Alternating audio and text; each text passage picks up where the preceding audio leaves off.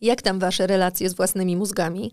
Czy po pierwszej lekcji higieny cyfrowej udało wam się złapać na nawykowym sięganiu po telefon? A może wprowadziliście już sobie jakieś sprytne sposoby hakowania układu nagrody? Przed nami jeszcze wiele lekcji, które pomogą wam uporządkować swoje życie z ekranami. Dzisiaj porozmawiamy o tym, dlaczego nowe technologie nie są jak nóż i co z tego dla nas wynika – to jest druga lekcja higieny cyfrowej cyklu podcastów realizowanego w ramach bezpłatnego programu edukacyjnego Wychowanie przy ekranie Fundacji Instytut Cyfrowego Obywatelstwa. Ja nazywam się Magdalena Bigaj i zapraszam Was w podróż, w której co miesiąc będę Wam przybliżać jakiś aspekt higieny cyfrowej, pomagając wprowadzać dobre nawyki cyfrowe.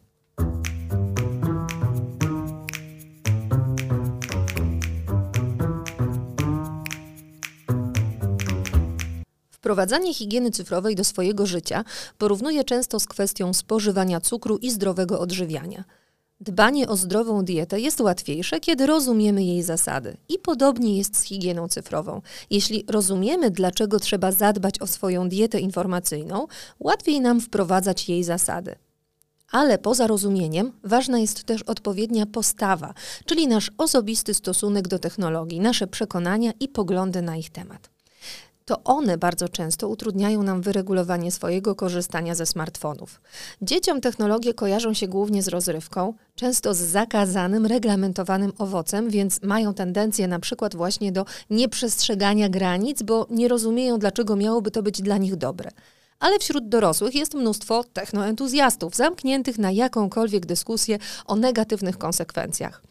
Dość powiedzieć, że gdy zwracałam uwagę na fakt, że politycy w kwestiach takich jak rozwój AI i jego wpływ na społeczeństwo szukają doradców w firmach komercyjnych, pomijając ludzi nauki i stronę społeczną, jeden krytyk napisał mi, że kraj nie potrzebuje teoretyzowania i hamulcowych. Jak bardzo trzeba być zaślepionym rozwojem technologii, by wiedzę naukową i prawa obywatelskie nazywać hamulcami? To przecież wspaniale, że naukowcy i naukowczynie badają, jak nowe wynalazki wpływają na nas, ich użytkowników. To wspaniale, że są ludzie, którzy czuwają, czy nowe wynalazki nie naruszają naszych praw obywatelskich. Odrzucanie tych aspektów i forsowanie rozwoju kierowanego wyłącznie chęcią zysku jest po prostu głupie i nieodpowiedzialne. Do czego prowadzi brak perspektywy społecznej, najlepiej widać na ulicach miast słynnej Doliny Krzemowej. Nierówności społeczne doprowadzone są tam do kuriozalnych rozmiarów. Chłopcy od sztucznej inteligencji w drogich furach mkną do swoich wypasionych siedzib, mijając na ulicach bezdomnych, których nie stać było na podatki za swój dom, oraz narkomanów zalegających na chodnikach. Nie, dziękuję. To ja wolę mieszkać w kraju pełnym póki co teoretyków i hamulcowych. Ale czy strach przed technologiami jest właściwą postawą? No, oczywiście, że nie. Choć straszenie nimi jest proste. Mogłabym Wam tutaj serwować drastyczne przykłady konsekwencji uzależnień od grania w gry, molestowania online itd. Tak Ale takie straszenie może doprowadzić do dwóch rzeczy: radykalnego odrzucenia technologii lub radykalnego odrzucenia higieny cyfrowej. Żadna z tych dróg nie jest dla nas korzystna. A przecież higiena cyfrowa to zachowania chroniące zdrowie związane z używaniem technologii. Używaniem, a nie rezygnowaniem z nich.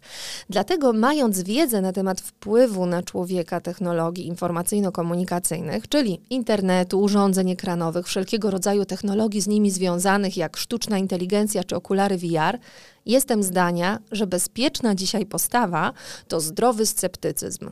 Dlaczego sceptycyzm, a nie neutralność? Bo wbrew teorii, z którą przez lata mogliśmy się spotkać, nowe technologie nie są jak nóż. Porównywanie do noża ma nas przekonać, że nowe technologie są neutralne i tylko od nas zależy, jak je wykorzystamy. Niestety mam złą wiadomość. To było do obronienia może na początku XXI wieku, ale nie dzisiaj, gdy mija jego pierwsza ćwierć. Swoją drogą trochę szok z tym ćwierćwieczem. Przyznajcie, że dopiero co przejmowaliśmy się fake newsem o pluskwie milenijnej. Wracając jednak do noża. Nóż jest neutralny, bo można nim kogoś zranić albo przygotować jedzenie. Ale na Boga, nóż nie wysyła do nas powiadomień 230 razy dziennie o treści zrób sobie coś do jedzenia. Cześć, to ja, twój nóż. Przypomina, że w szafce nad mikrofalą jest słoik nutelli. Pomogę ci ją rozsmarować na chrupiącej grzance. Nie, Nóż sobie leży i czeka. Nie narzuca się. Nie próbuje się do nas dostosować, uwodzić, zachęcać do jego używania. Dlatego, jeśli coś w technologiach dzisiaj jest jak nóż, To internet jako technologia przesyłu informacji. Światłowód jest jak nóż, język programowania jest jak nóż. Nawet w pewnym sensie sztuczna inteligencja jako rozwiązanie technologiczne jest jak nóż. Ale już produkty technologiczne tym nożem nie są. Aplikacja AI pozwalająca bez ograniczeń tworzyć, dając w efekcie deepfake'i albo pozwalając otrzymać nagie zdjęcie dowolnej osoby, nie jest już nożem. Ona już krzywdzi. Media społecznościowe, zwłaszcza te jak TikTok czy Google Shorts, serwujące strumień krótkich materiałów wideo, od których nasze mózgi zaczynają zatracać umiejętność koncentrowania się na dłuższych treściach, nie są neutralne. Chociaż przynoszą rozrywkę czy dają możliwość komunikowania się, przynoszą też konkretne szkody i to tej samej osobie. I to nie zawsze zależy tylko od niej, czy te szkody poniesie. Zresztą w Stanach Zjednoczonych toczy się obecnie proces wytoczony przez 41 prokuratorów przeciwko fir firmie Meta, właścicielowi Facebooka i Instagrama, którą oskarża się o wykorzystywanie na Facebooku i Instagramie rozwiązań negatywnie wpływających na zdrowie nastolatków. Przeciwko TikTokowi z kolei Komisja Europejska wszczęła ostatnio formalne postępowanie w związku z nieprzestrzeganiem przez serwis obowiązków związanych z ochroną małoletnich, przejrzystością reklam, dostępem naukowców do danych, a także zarządzaniem ryzykiem związanym z uzależniającym projektowaniem i szkodliwymi treściami. No wreszcie, bo przecież to, że ja i inni edukatorzy i naukowcy mówimy o tym od wielu lat, to było za mało. Na szczęście teraz mamy ze sobą jeszcze prokuratorów i Komisję Europejską i daj Boże, żebyśmy wreszcie zwrócili uwagę na te aspekty. Naprawdę, nadal uważamy, że te aplikacje są neutralne jak nóż i kiedy z nich korzystamy, mamy nad nimi pełne panowanie? Produkty technologiczne, jak gry cyfrowe, platformy społecznościowe, sklepy internetowe, serwisy informacyjne, wykorzystują wobec nas szereg manipulacyjnych zabiegów, abyśmy tracili kontrolę nad ich używaniem i spędzali w nich jak najwięcej czasu. Dzień zaś jest jak pizza. Jak wykroisz za długi czas w ekranie, odbędzie się to kosztem czasu na coś innego w Twoim życiu, co też jest ważne. Dlatego osobiście przyjmuję postawę technosceptycyzmu. Nie zachwycam się nowinkami, tylko uważnie się im przyglądam. Nie biorę udziału w quizach, zobacz jak będziesz wyglądać jako lalka Barbie. Myślę raczej, jakie dane ta aplikacja ode mnie pobierze w zamian za kilka minut zabawy. Nie uważam, że współczesna szkoła to szkoła naszpikowana technologiami. Przeciwnie, uważam, że dobra szkoła rozumie, że nasze mózgi trenowane są dzisiaj do zdobywania krótkich informacji, a nie do pogłębiania wiedzy i tworzenia nowych rzeczy. Technosceptycyzm podpowiada mi wtedy, wobec tego musimy wesprzeć nasze dzieci w tym, aby znalazły się kiedyś w elicie, która będzie umiała czytać długie teksty, oglądać filmy, a pójście do teatru czy na koncert nie będzie dla nich torturą, bo nie będą wytresowani przez technologię do stałej dekoncentracji i ciągłego wykonywania krótkich czynności. A to właśnie czeka większość społeczeństw intensywnie użytkujących dzisiaj ekrany.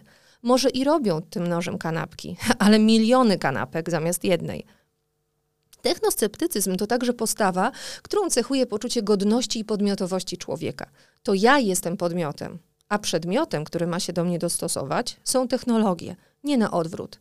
Technosceptycyzm nie odrzuca postępu, on pyta, komu ten postęp służy i dlaczego mam z niego korzystać. To jest postawa, która podoba się zwłaszcza nastolatkom wrażliwym na punkcie swojej niezależności. Naprawdę, sprawdźcie to. Dlatego w drugiej lekcji higieny cyfrowej, w scenariuszach lekcji, które dostają uczestnicy programu, stawiamy na rozmowę między uczniami i uczennicami na temat tego, jakie plusy i minusy przynoszą nam nowe technologie. Co w nich lubimy, a co sprawia, że czujemy się przez nie gorzej. Możecie śmiało porozmawiać o tym w domu z dziećmi, a jeśli nie jesteście rodzicami, to zachęcam Was, pomyślcie o tym kiedyś szczerze, tak sami przed sobą, w jaki sposób korzystam z telefonu i internetu i co mi to rzeczywiście daje. Przyznam Wam, że to jest pytanie, na które stale udzielam sobie odpowiedzi. To mój sposób na motywowanie się do ograniczania korzystania z mediów społecznościowych. Jestem w nich aktywna zawodowo, ale to tak naprawdę nie ma wielkiego znaczenia, czy robimy w sieci coś do pracy, czy prywatnie. I tak sprawia to, że mamy ochotę zerkać kompulsywnie w telefon. W moim przypadku sprawia to, że czuję się okropnie rozkojarzona i przez to poddenerwowana, nie wspominając już o emocjach, które wywołuje kontakt z treściami w internecie. Czuję, jak wiele mojej energii to pochłania. W dni, kiedy chcę pisać, jak dzisiaj, gdy piszę dla Was tekst tego podcastu, w ogóle nie wchodzę rano do mediów społecznościowych, bo to pozwala mi utrzymać mózg w skupieniu i koncentracji na dłuższym tekście. Zajmowanie się zawodowo higieną cyfrową nie czyni mnie po prostu odporną na działanie technologii. Też muszę cały czas się pilnować i starać. Bilans zysków i strat z korzystania z mediów społecznościowych w moim przypadku jest niejednoznaczny i balansuje ciągle na ich granicy. Szczerze mówiąc, wiem, że moje życie stanie się lepsze, jeśli z nich zrezygnuję. Będę spokojniejsza, mniej przebodźcowana, bardziej uważna. Może rzadziej będę wpadać w stany lękowe, bo nie będzie do mnie docierał nadmiar poruszających informacji na setki tematów, które sprawiają, że potem czujemy niewytłumaczalny niepokój, nie wiadomo z jakiego powodu. Będę więc także lepszym człowiekiem dla moich bliskich. Będę. Kiedyś, ale nie dzisiaj. Wciąż jeszcze nie potrafię wybrać i próbuję łapać balans, by nie zrezygnować, bo przecież dobrych stron mediów społecznościowych też jest wiele. E, wytykając wady ich twórcom i niedociągnięcia, czy też czasami wprost łamanie prawa, nie chodzi mi o to, żeby zakazać mediów społecznościowych. Właśnie chodzi mi o coś innego, o to, że my mamy prawo do korzystania z bezpiecznych, zdrowych dla nas produktów. Dzięki mediom społecznościowym poznałam wiele wartościowych osób. Mam kontakt z czytelnikami i czytelniczkami. Wiem, że dla wielu osób to, co piszę, jest ważne, a nawet, jak niektórzy mi piszą w prywatnych wiadomościach, zmienia ich życie. Hmm, czuję, że jest coraz większa grupa osób wspierających się w tym mądrym, rozsądnym korzystaniu z technologii, pielęgnujących dążenie do mądrości i umiejętność skupienia.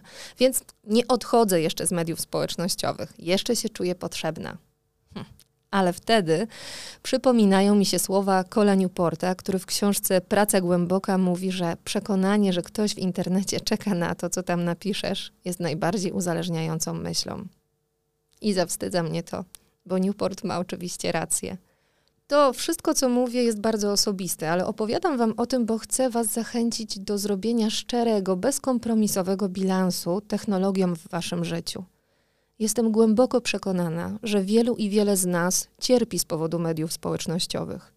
Nie tylko przez obecne w nich treści, ale przez sam ich nadmiar, zajmowanie naszej uwagi i odrywanie nas od ważnych codziennych czynności, przez co obniża się jakość naszego życia i cierpią relacje z bliskimi. Dlatego musimy uczyć nasze dzieci i siebie samych również odpowiadania sobie szczerze na pytanie, co mi, osobie i nam, społeczeństwu, dają nowe technologie, a co odbierają? Jakie są korzyści, a jakie zagrożenia? Wyzbądźcie się poczucia winy w takiej rozmowie. Ona nie ma być o nas, ona ma być o technologiach i tym, czy one rzeczywiście przynoszą korzyści, czy nam, czy może głównie ich twórcom. Na konsekwencje pozornych korzyści nowych technologii zwraca uwagę Ted Gioia w swoim eseju The State of the Culture, który gorąco polecam Wam odnaleźć i przeczytać. To wspaniale, że mamy dostęp do nieograniczonych zasobów seriali, ale czy wciągając po kilka sezonów naraz, potrafimy jeszcze konsumować filmy długometrażowe, które zmuszają do refleksji, nawiązują do innych dzieł kultury? Świetnie, że możemy słuchać audiobooków. Ale czy widzimy jeszcze różnicę pomiędzy wartością, jaką jest autorska interpretacja lektora, czy może żądamy lektora AI, bo nam się akurat podoba, żeby tę książkę przeczytał nam mężczyzna? Wspaniale, że mamy dostęp do wiedzy na temat naszej psychiki, ale czy rozciągnięta w czasie praca z terapeutą wygra z pop psychologią z mediów społecznościowych, czy może wyda się nudna? Och, aż zazdroszczę Wam tych e, rozmów e, przy okazji drugiej lekcji higieny cyfrowej, które będziecie odbywać ze swoimi uczniami i uczennicami. Możecie usłyszeć różne zaskakujące rzeczy. Jak ja niegdyś od dziewczynki z drugiej klasy podstawówki, która na pytanie o to, jakie korzyści dają nam nowe technologie, odrzekła rezolutnie, że jak się jest chorym, to można wziąć komputer do domu i pracować z domu. Aha, Brawa dla nas dorosłych. Wychowanie do produktywności to przedmiot, z którego nasze pokolenie ma profesurę. W rozmowie o plusach i minusach rozwoju technologii z perspektywy osobistej bardzo ważne jest podkreślenie faktu, że nie ma świata wirtualnego. No, nie ma. Powiedzcie mi, jakie słowo jest przeciwieństwem słowa wirtualny? Prawie słyszę, jak mówicie, realny albo rzeczywisty. Zróbcie to ćwiczenie ze swoimi dziećmi czy uczniami. Odpowiedzą bez pudła. A teraz drugie ćwiczenie. Pierwsza lepsza czynność w internecie, która ma realne konsekwencje. Nawet dziecko natychmiast odpowie. Nie ma podziału na real i wirtual. Tak się mówiło w czasach, gdy mieliśmy konta na Grononet i wydawało nam się, że Facebook nie wejdzie do Polski, bo jest nasza klasa. Niech spoczywa w pokoju biedny aniołek. Ale dzisiaj, no błagam, wpojenie nam, że jest coś takiego jak świat wirtualny, to jedno z największych sukcesów twórców technologii. Wielu ludzi dało się przekonać, że dla owego świata wirtualnego, czyli takiego zupełnie innego niż nasz, nierzeczywistego, trzeba stworzyć osobne prawo, bo to przestrzeń, której nie dotyczy na przykład konwencja o prawach dziecka.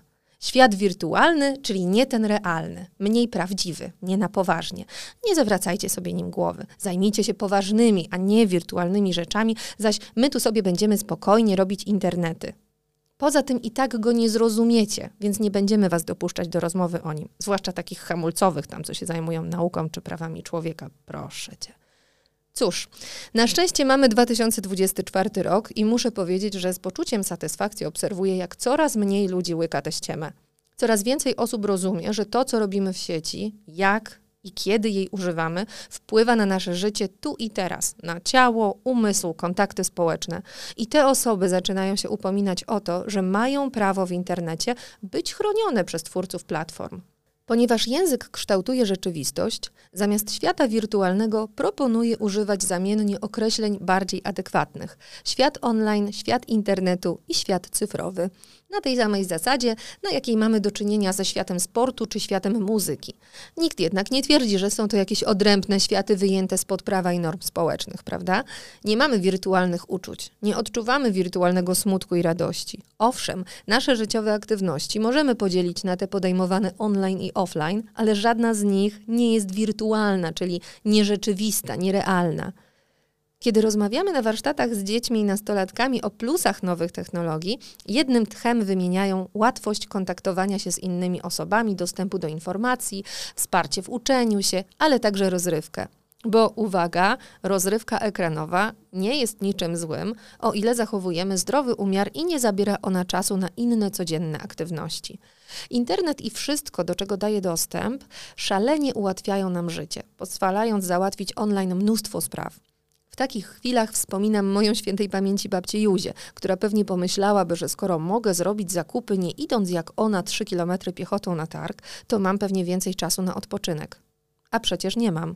I wy też nie macie bo chociaż technologie pozwalają nam załatwiać pewne rzeczy szybciej, to jednocześnie społeczeństwo dokłada sobie dodatkowe zajęcia. Puchną nasze listy obowiązków w pracy, dokładamy sobie rzeczy do zrobienia w życiu prywatnym.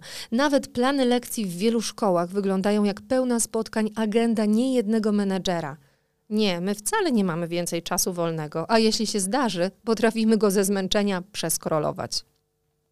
Tym niemniej zachęcam Was do wyłuskania tych plusów nowych technologii w Waszym życiu. Dla każdego to może być coś innego. Nie oceniajcie się w tej, w tej rozmowie. Zanotujcie sobie te odpowiedzi, bo w kolejnych lekcjach będziemy jeszcze do nich wracać.